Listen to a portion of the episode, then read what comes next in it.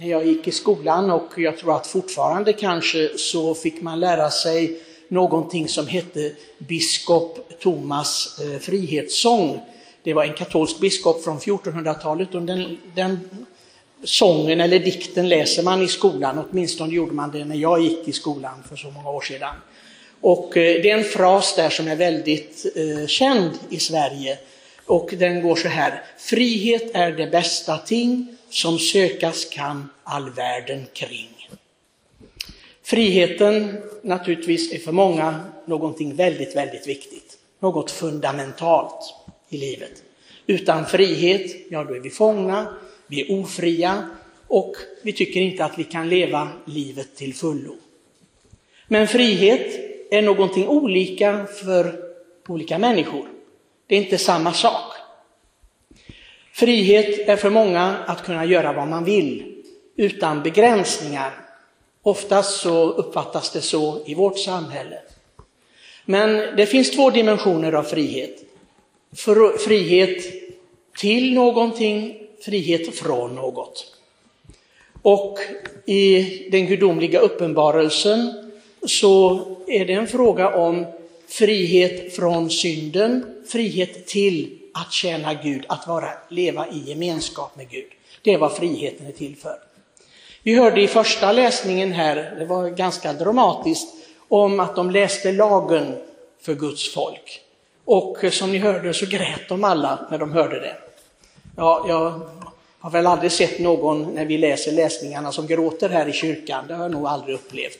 Kanske av andra skäl, men inte av för att vi läser Guds ord och det som Gud Eh, vill av människan. Men de grät för de förstod att det var allvarliga saker, att det var svårt. Det var svårt att befria sig till den grad att man tyckte att det var frihet att leva enligt Guds vilja. Och det är det fortfarande. Det är det fortfarande. Det är en kamp som vi hela tiden håller på med. I vår terminologi så kallar vi det för omvändelse, metanoia.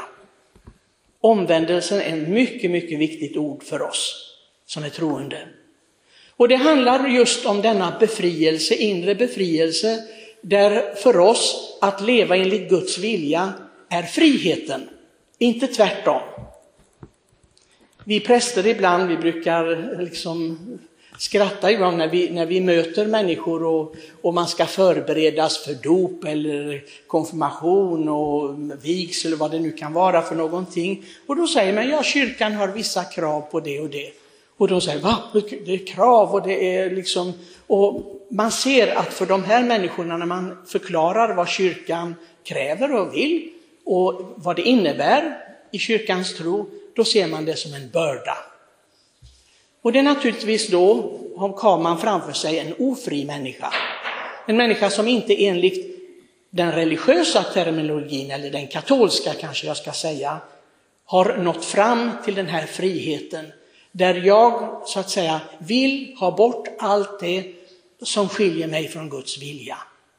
För oss är detta friheten.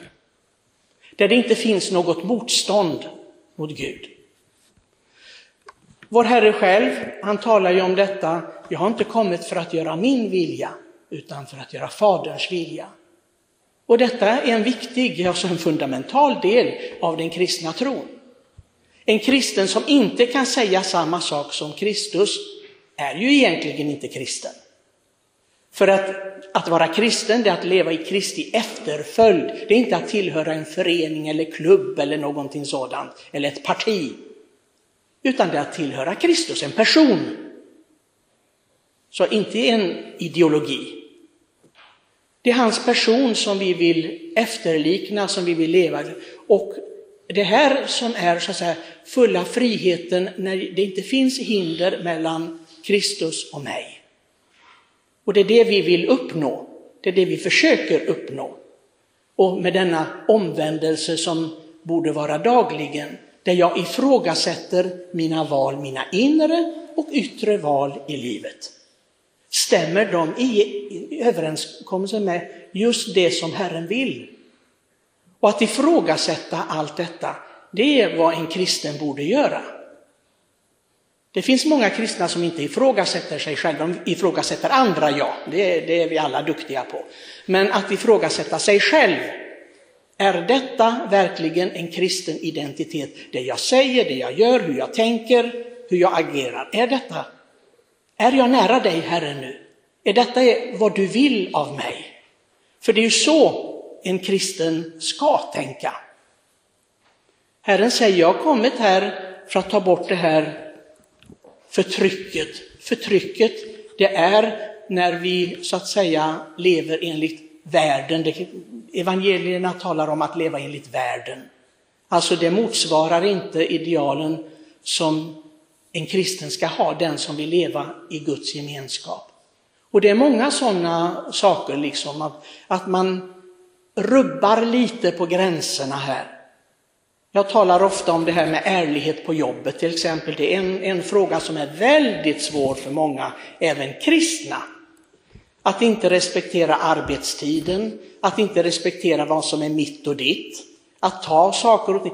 Det är väldigt många, ibland när man tar upp det i bikten och frågar om, om ärligheten, har du stulit? Nej, men jag går inte och stjäl i affärer, det är inte bara att stjäla och snatta i affärer som det handlar om.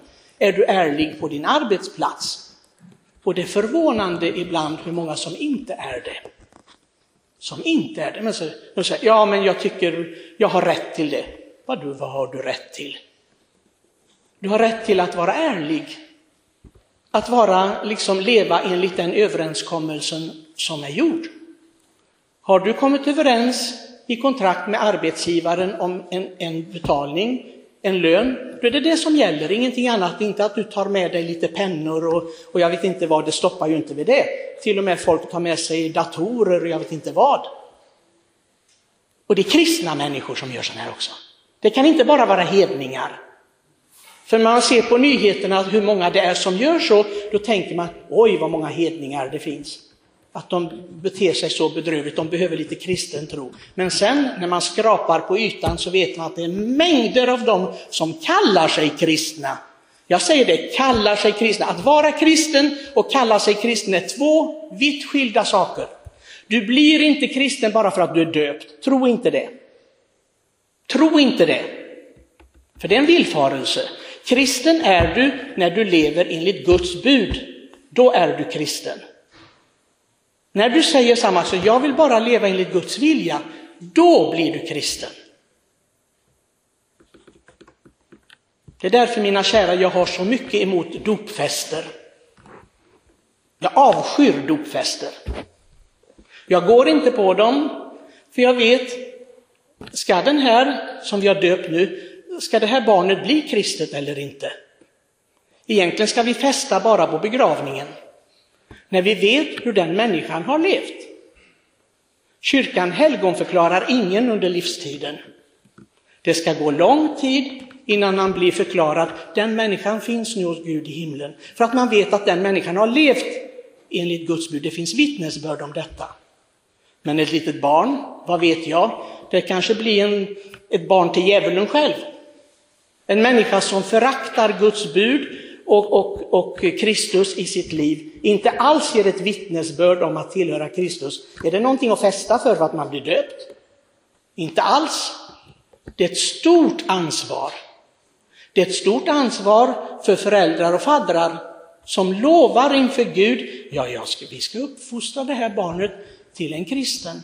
Och sen ser man inte vare sig föräldrar eller barn i kyrkan förrän naturligtvis det blir dags för första kommunionen, för det ska man ha. Oavsett om man är hedning eller inte, första kommunionen är så viktig. Och sen konfirmationen.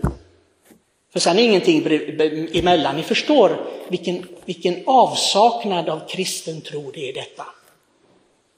Vilken avsaknad av kristen tro. Det finns ingenting där. Och man har inte förmedlat någonting i familjen Trots att man har lovat inför Guds altare, ja vi ska uppfostra vårt barn och den, i den kristna tron, att lära känna Gud. Det handlar inte om att man själv är felfri. Det handlar inte om det, för alla kämpar vi.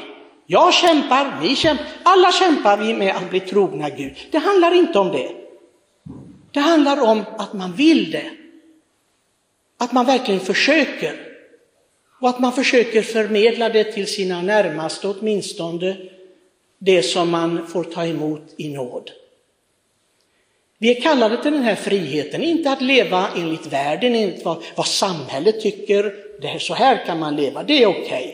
Nej, vi är kallade till en stor frihet, att vara befriade från det och säga nej, min frihet går ut på att leva så nära Gud som möjligt. Må vi alla liksom tycka att friheten, friheten det är det bästa ting som sökas kan all världens kring, som biskop Thomas sa. Men den sanna friheten, inte den påhittade, inte den påklistrade som samhället tycker är frihet, utan den som evangeliet